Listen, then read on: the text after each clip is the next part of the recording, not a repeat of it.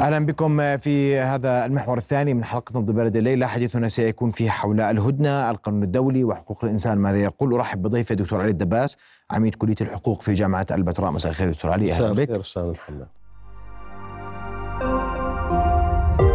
رؤيا بودكاست ونحن تابعنا مشاهد الأمس، تابعنا تصريحات الأمس من قبل آه، المعنيين الأسرى تحديدا وتابعنا المشاهد أنا بدي أحكي عن الطرفين عشان ما حدا يعني. وهون لاحظنا فرق التعامل. تم التعامل من قبل القسام بطريقة مختلفة عما تم التعامل معه من قبل الاعتداء. كيف كيف نقرأ المشهد اليوم؟ وماذا يقول حقوق الإنسان؟ وتقول حقوق الإنسان الدولية المحطوطه على الرف اليوم في هذا الملف في هذا الإطار؟ بسم الله الرحمن الرحيم. آه، بداية مساء الخير لك أستاذ محمد والأستاذ والحقيقة أن نشطاء حقوق الإنسان في الوقت الحاضر يعيشون أزمة حقيقية في نظرة المجتمعات ونظرة المواطنين إليهم بأمانة. أنا أعتقد أن الإشكالية الرئيسية التي تواجه حقوق الإنسان تنبثق أساسا من عدم احترام إسرائيل للقانون الدولي القانون الدولي بشكل عام والقانون الدولي الإنساني بشكل خاص. وبالتالي ما شهدناه خلال ال 48 يوم الماضية الحقيقة هو هدم كل أركان القانون الدولي الإنساني وبالتالي يعني نستطيع القول إنه ما استطاعت أن تقوم به قوى المقاومة وتحديدا حماس أنها استطاعت أن تفرض قانونها في ظل غياب القانون الدولي.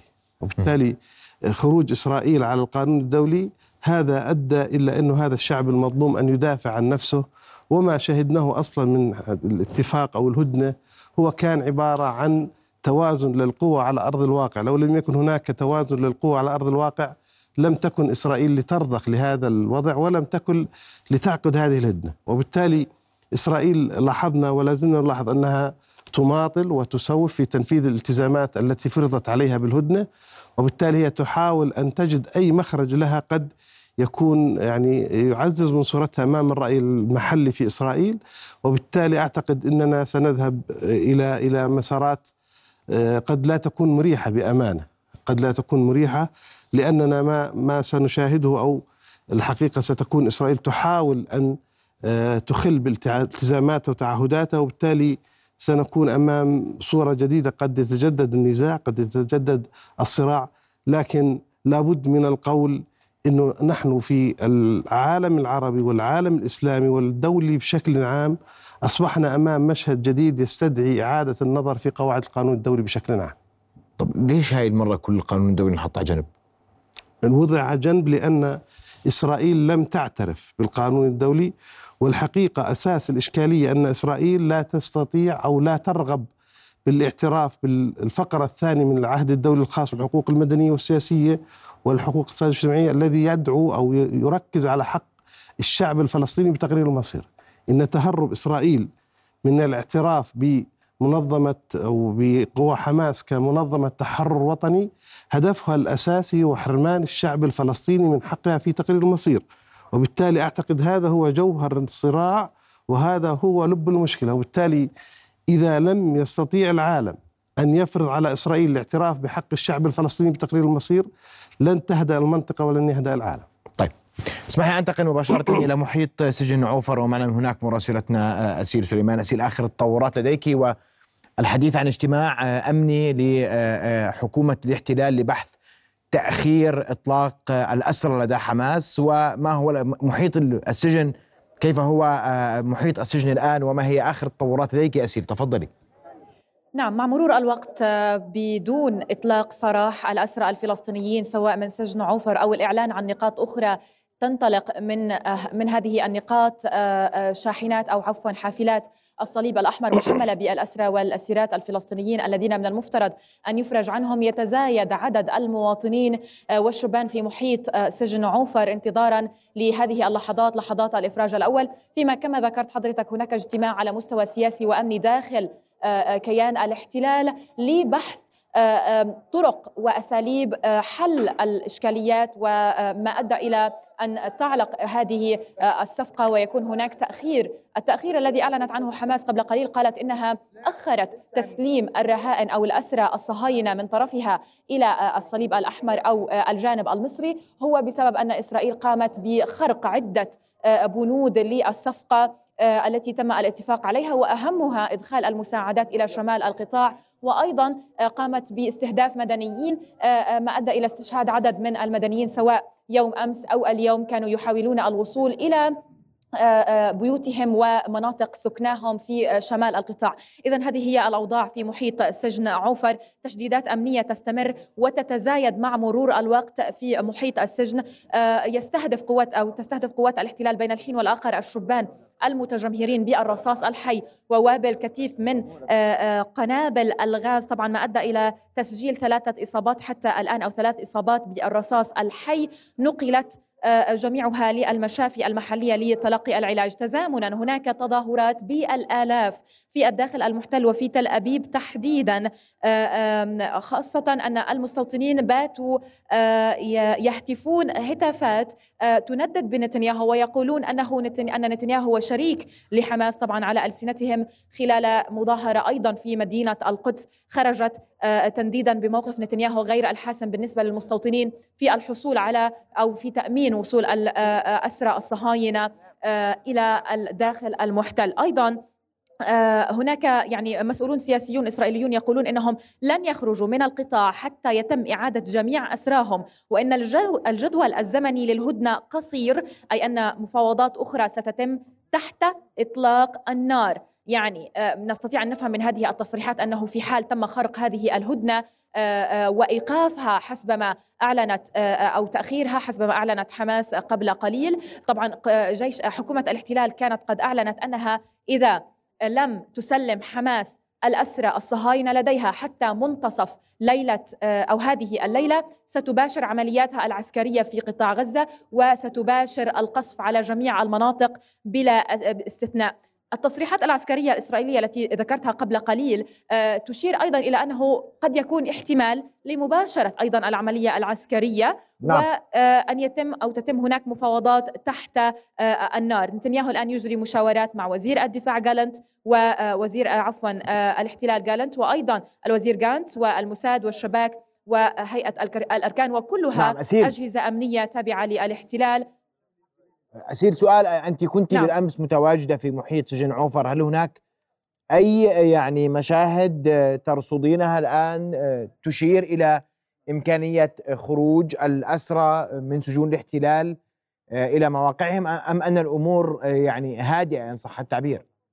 يعني لا نستطيع أن نصفها بالهادئة إلا أن الأمور مقارنة باليوم الأول للهدنة وإطلاق سراح الفوج الأول من الأسرى لا تشير إلى أمور إيجابية في الحقيقة. في مثل هذا التوقيت يوم أمس كنا بالفعل قد استقبلنا أعدادا من الأسرى في محيط بلدية بتونيا بالتحديد وكان الأسرى قد التقوا بعائلاتهم والحافلات بالفعل خرجت من سجن عوفر حافلات الصليب الأحمر وتم التسليم وكل شيء سار بالرغم من أن هناك كان تأخيرا أيضا يوم أمس إلا أن الأمور سارت كما كان متفقا عليها. لكن اليوم بالحديث عن كل هذه الخروقات من جانب الاحتلال نستطيع القول أن هناك مؤشرات غير إيجابية بصراحة وقد تنذر بالفعل ب يعني عركسة أمور هذه الهدنة وربما إيقافها إذا لم يتوصل الجانبان إلى حل ما أو إلى حل هذه الإشكاليات. خصوصا مع الآن وجود تحركات سياسية ودبلوماسية تتعلق بالوسطاء الذين الثلاثة الولايات المتحدة وقطر ومصر الذين هم أصلا مراقبين أيضا إضافة لكونهم وسطاء مراقبين لسير هذه العملية والهدنة على أربعة أيام. بالحديث عن ما بعد الأربعة أيام كان من المفترض الحديث عن تمديد من نوع ما سواء في الأيام للهدنة يرافقها يعني توسيع لعملية التبادل في عدد الأسرى من الطرفين ولكن بعد ما شهدناه اليوم قد يكون ذلك صعب المنال وقد يكون بعيدا قليلا عن الطاولة الآن لربما الأهم بحسب الوسطاء والتحركات الدبلوماسية هو الوصول لحل ما يحل الإشكالية العالقة خاصة أن حكومة الاحتلال أعطت تاريخا أو أعطت مدة نهائية تنتهي عند منتصف هذه الليلة. نعم. أشكرك كل الشكر سيد سليمان من أمام أو من محيط سجن عوفر. الذي يرت... الذي يتواجد فيه أسرى فلسطينيون ارتهنت حريتهم أعود لك دكتور علي نعم. وهدنة موقعة باتفاق ما بين ثلاثة دول والاحتلال وحماس وحماس تتحدث بوضوح أن هناك يعني خلل في تنفيذ هذه الهدنة تحديدا في بند المساعدات تحديدا مساعدات لشمال القطاع وإطلاق نار وعليه توقف تسليم القانون الدولي ماذا يقول في كل ذلك؟ القانون الدولي الحقيقة يقول أن أن الهدنة هي عبارة عن اتفاقية دولية. وبالتالي هناك التزامات على الطرفين ويجب على كل طرف أن أن ينفذ الالتزامات التي فرضت عليه. وبالتالي في حال خرق أي طرف للاتفاقيات يستطيع الطرف الآخر أن يتحلل من التزاماته. وبالتالي لأجل هذا وجد الوسطاء أو المراقبين حتى يساعدوا الطرفين على الالتزام بواجباتهم. طالما الجانب المحتل لم يلتزم بالالتزامات التي فرضت عليه وخصوصا فيما يتعلق بعدم إخراج الطائرات المسيرة والمراقبة. الحقيقة هذا واضح أن إسرائيل يعني غير مكترثة كثيرا بالاتفاقية الدولية والحقيقة هذا يؤشر على ضعف الفرقاء أو المراقبين الذين كان يجب أن يكون لهم دورا فاعلا. والحقيقة نحن لا نستغرب ذلك فتاريخ اليهود دائما ينقض العهود وهذا شيء متوقع. وبالتالي كان يجب على إخواننا المناضلين كذلك أن يتشددوا في شروطهم بحيث يضمنوا أن لا يكون هناك خرق للاتفاقيات. الحقيقة حتى الاتفاقيات السابقة في حالات الإفراج عن الأسرى كانت إسرائيل تتنصل من هذه الاتفاقيات، مجرد الإفراج عن الأسرى كانت تستطيع أن تستعيد أو تعتقلهم مرة أخرى. على عكس ما ما ما يفرج عنهم من جانب الإخوان في غزة لا يستطيعون استقالهم، وبالتالي الحقيقة كان يجب أن تكون هناك ضمانات أكثر في الاتفاق وأن تكون الأمور واضحة بشكل دقيق بحيث نضمن أن لا يصير خرق أو أن لا يصبح خرقا من الطرفين ولكن آه، للأسف دوما إسرائيل لديها الأساليب والوسائل التي تستطيع أن تتهرب من التزاماتها الدولية وبالحقيقة هذا يستدعي دائما أن يكون الطرف الآخر أكثر صرامة وبأمانة بحاجة إلى دعم أكثر من المجتمع الدولي والمجتمع نعم. العربي في هذا الصعيد. يبدو أن الاحتلال استهدف الشبان آه، المتواجدين في محيط آه، السجن ويبدو أن هناك إصابة لفلسطيني سنحاول التواصل مع اسير سليمان للوقوف على ما حدث. هذا أذكر أنه محيط سجن عوفر حيث ينتظر مجموعة من الشبان الأسرى المحررين لمغادرة السجن. أسيل سليمان تعود إلينا. أسيل ما الذي حدث قبل قليل؟ تفضلي أسيل. أسيل تسمعينني؟ نعم أسمعك. قبل قليل إصابة مباشرة للرصاص أو بالرصاص الحي لطفل في الحقيقة في منطقة الصدر. كنت قد ذكرت مرارا أنه لا مواجهات وأعيد وأكرر لا مواجهات بمحيط سجن عوفر في الحقيقة إنما مجرد تجمهر للشبان في محيط السجن قامت قوات الاحتلال بإبعاد الجميع من الساحة الملاصقة أو أنا أعتذر ولكن آه، تم إقامة قوات الاحتلال بإبعاد جميع المواطنين والشبان من الساحة الموجودة أمام السجن ما أدى إلى إبعادنا جميعا إلى هذه التلة المجاورة والمقابلة للسجن. آه، أؤكد مرة أخرى أنه لا مواجهات في هذه المنطقة إنما هو استهداف مباشر آه، بالرصاص الحي للشبان. نتحدث الآن عن أربع إصابات بالرصاص الحي كلها في مناطق حيوية من أجساد هؤلاء الأطفال. وأؤكد كلهم أطفال مرة أخرى ولا مواجهات مندلعة إنما هي محاولة لإخافة المواطنين وإبعادهم من محيط المكان حتى مع أنه لا يوجد حتى الآن إفراج عن الشاحنات. يعني يوم أمس كنا نقول أن هذه إطلاق الرصاص إطلاق قنابل الغاز هو لتفريق المواطنين حتى لا يتجمعوا ويتجمهروا أمام الحافلات في استقبال الأسرى. ولكن حتى الآن يعني لا إطلاق للأسرى ولا حافلات تخرج أو تدخل من وإلى السجن. ولكن إنما هو استهداف لمجرد الاستهداف و آه، آه، يعني بالرصاص الحي ليس هناك داعي لإطلاق الرصاص الحي. إذا أراد الجيش آه، تفرقة أو تفريق المواطنين بإمكانه أن يستخدم ألف وسيلة أخرى لكنه معني بأن يطلق الرصاص الحي تجاه هؤلاء الأطفال وإصابتهم بشكل مباشر. لذلك ارتفع العدد إلى أربعة إصابات بالرصاص الحي. نقلتهم الطواقم الإسعاف إلى المستشفيات المحلية. تجدر الإشارة أيضا إلى أن المنطقة التي نتواجد بها وربما تستطيعون أن تروا هي منطقة جبلية وعرة. ما يعني أن حركة طواقم الإسعاف محدودة وصعبة ومعرقلة. حركة المواطنين كذلك الأمر. وهناك يعني تلال بيننا وبين منطقة السجن بالتحديد بعيدون كل البعد. حتى إذا أراد المواطنين يعني رمي الحجارة وأن ذلك ما يدعيه الاحتلال لم تصل حجارتهم. المسافة بعيدة جدا بين أماكن تواجد المواطنين وبين ساحة السجن نفسها وأماكن تواجد جبات الاحتلال العسكرية. لذلك هو استهداف مباشر ومتعمد بالرصاص الحي لمحاولة إبعاد المواطنين من هذا المحيط. نتحدث عن أكثر من 100 شاب في محيط المكان. تزداد أعدادهم مع اقتراب يعني مع مرور الوقت والساعات في محاولة يعني مشاهدة اللحظات الأولى لإطلاق سراح الأسرى من سجن عوفر وطبعا هذه يعني النقطة ليست مؤكدة بعد لكي يكون إطلاق سراح الأسرى وحافلات الصليب الأحمر. نعم. من خلالها هناك حديث أو كان الاحتلال يريد أن يطلق سراحهم في مدينة أريحة إلا أن هيئة شؤون الأسرى والمحررين رفضت ذلك وما تزال نقاط الإفراج غير معروفة حتى هذه اللحظة. أشكرك أسير من جديد وهذا الاستهداف أيضا هو خرق موازين من خرق القانون الدولي. والسؤال ماذا نملك في كل هذا القانون اللي عرف اليوم حتى نقدر نحاسب من من من يقترف مثل هذه الأفعال الإجرامية؟ الحقيقة القانون الدولي هو وضع آليات ووسائل يمكن محاسبة المجرمين آه، لكن للأسف إرادة المجتمع الدولي والدول العظمى تحديدا وبعض الدول في المنطقة لا ترغب بتطبيق القانون الدولي. أنا أعتقد أن المشكلة ليست في, في القانون لكن الإشكالية في من يطبق هذا القانون. كما هو في القانون الداخلي إذا لم يطبق القانون بطريقة عادلة لن يحقق نتائج وبالتالي القانون الدولي وجد ليطبق. لكن للأسف إسرائيل منذ البداية تنكرت للقانون الدولي. هي لم تعتبر أن الأراضي الفلسطينية أراضي محتلة.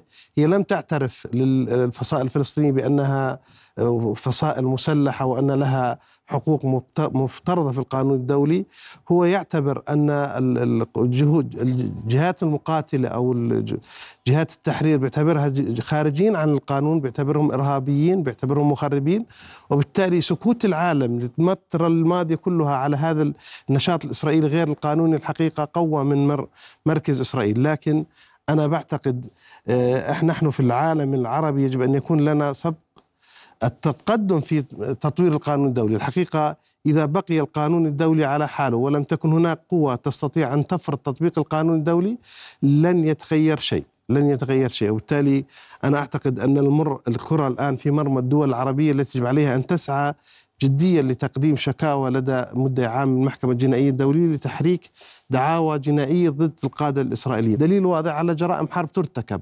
نعم. إطلاق نار على أطفال بدون أن يقوموا بأي عمل. ماذا نسمي هذا؟ أليس هذا قتلا بدون داع؟ أليست هذه جريمة حرب؟